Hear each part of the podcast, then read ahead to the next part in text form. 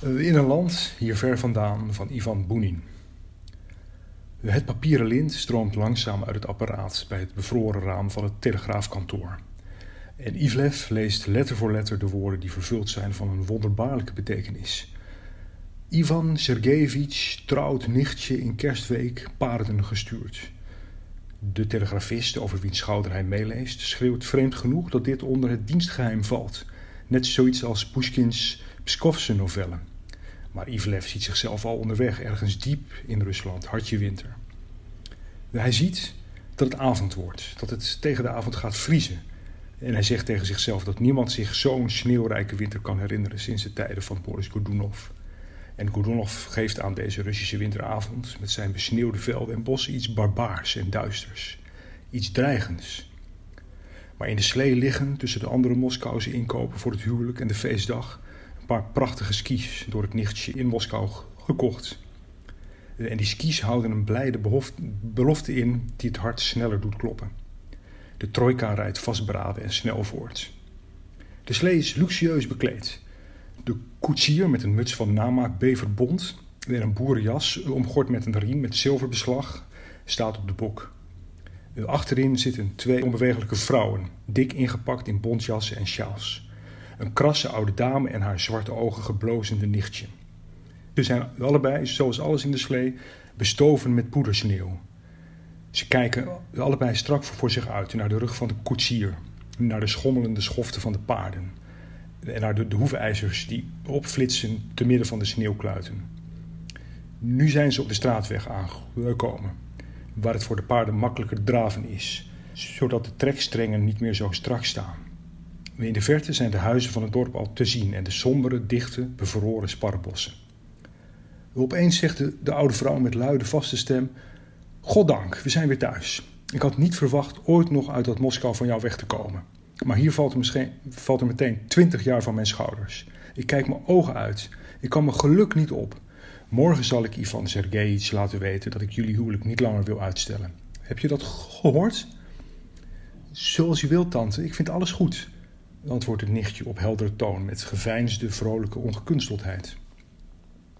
De trojka snelt al door het dorp, waar boven de hutten en de sneeuwhopen donkere sparren staan die grijs zijn van de vorst. Achter in het dorp, helemaal in het bos, is het landgoed te zien. Een grote, besneeuwde binnenplaats. En een groot, laag houten huis. Het is schemerig, uitgestorven. De lichten zijn nog niet aan. De koetsier houdt de paarden in en gaat in een wijde halve cirkel op het bordes af.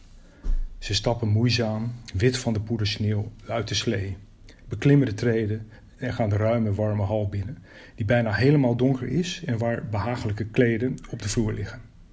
Van achter het huis komt haastig een bedrijvig oud moedertje met wollen kousen aanlopen, dat hen verheugd begroet en hen helpt zich van hun kleren te ontdoen. Ze wikkelen hun sjaals los en bevrijden zich van hun besneeuwde, welriekende bontjassen. Hoe meer het nichtje uitdoet, des te levendiger en vrolijker ze wordt. Plotseling blijkt ze slank en lenig. Ze gaat behendig op een antieke kist bij het raam zitten en doet snel haar grijze stadse overschoenen uit, waarbij ze haar benen tot aan de knie laat zien, tot aan het kant van haar onderbroek en kijkt ondertussen met haar zwarte ogen afwachtend naar haar tante, die zich zwaar ademend met krachtige maar langzame bewegingen van haar kleren ontdoet. En plotseling is daar dat angstaanjagende dat al lang te voorvoelen was. Tante laat haar opgeheven armen zakken, laat een zwakke, zoete kreet horen en zingt langzaam, langzaam op de grond ineen. Het oude moedertje pakt haar onder de armen vast, maar kan haar niet houden en schreeuwt wild: Juffrouw! Door het raam is de besneeuwde binnenplaats te zien en daarachter midden in het bos een glinsterend besneeuwd veld. Van achter het veld kijkt de glanzende, laagstaande, kale maan. En er is geen oud moedertje meer en geen tante. En er is alleen nog dat tafereel en de donkere hal. Alleen nog de blijde ontzetting van deze duisternis en de afwezigheid van ieder obstakel tussen Ivlev en haarzelf. Het meisje dat de bruid had moeten worden van ene Ivan Sergejevich. Alleen nog de prachtige glans van de zwarte ogen die plotseling zo dicht bij hem zijn. En de verschrikkelijke gedachte die door haar heen flitste toen ze op de kist haar schoen uittrok.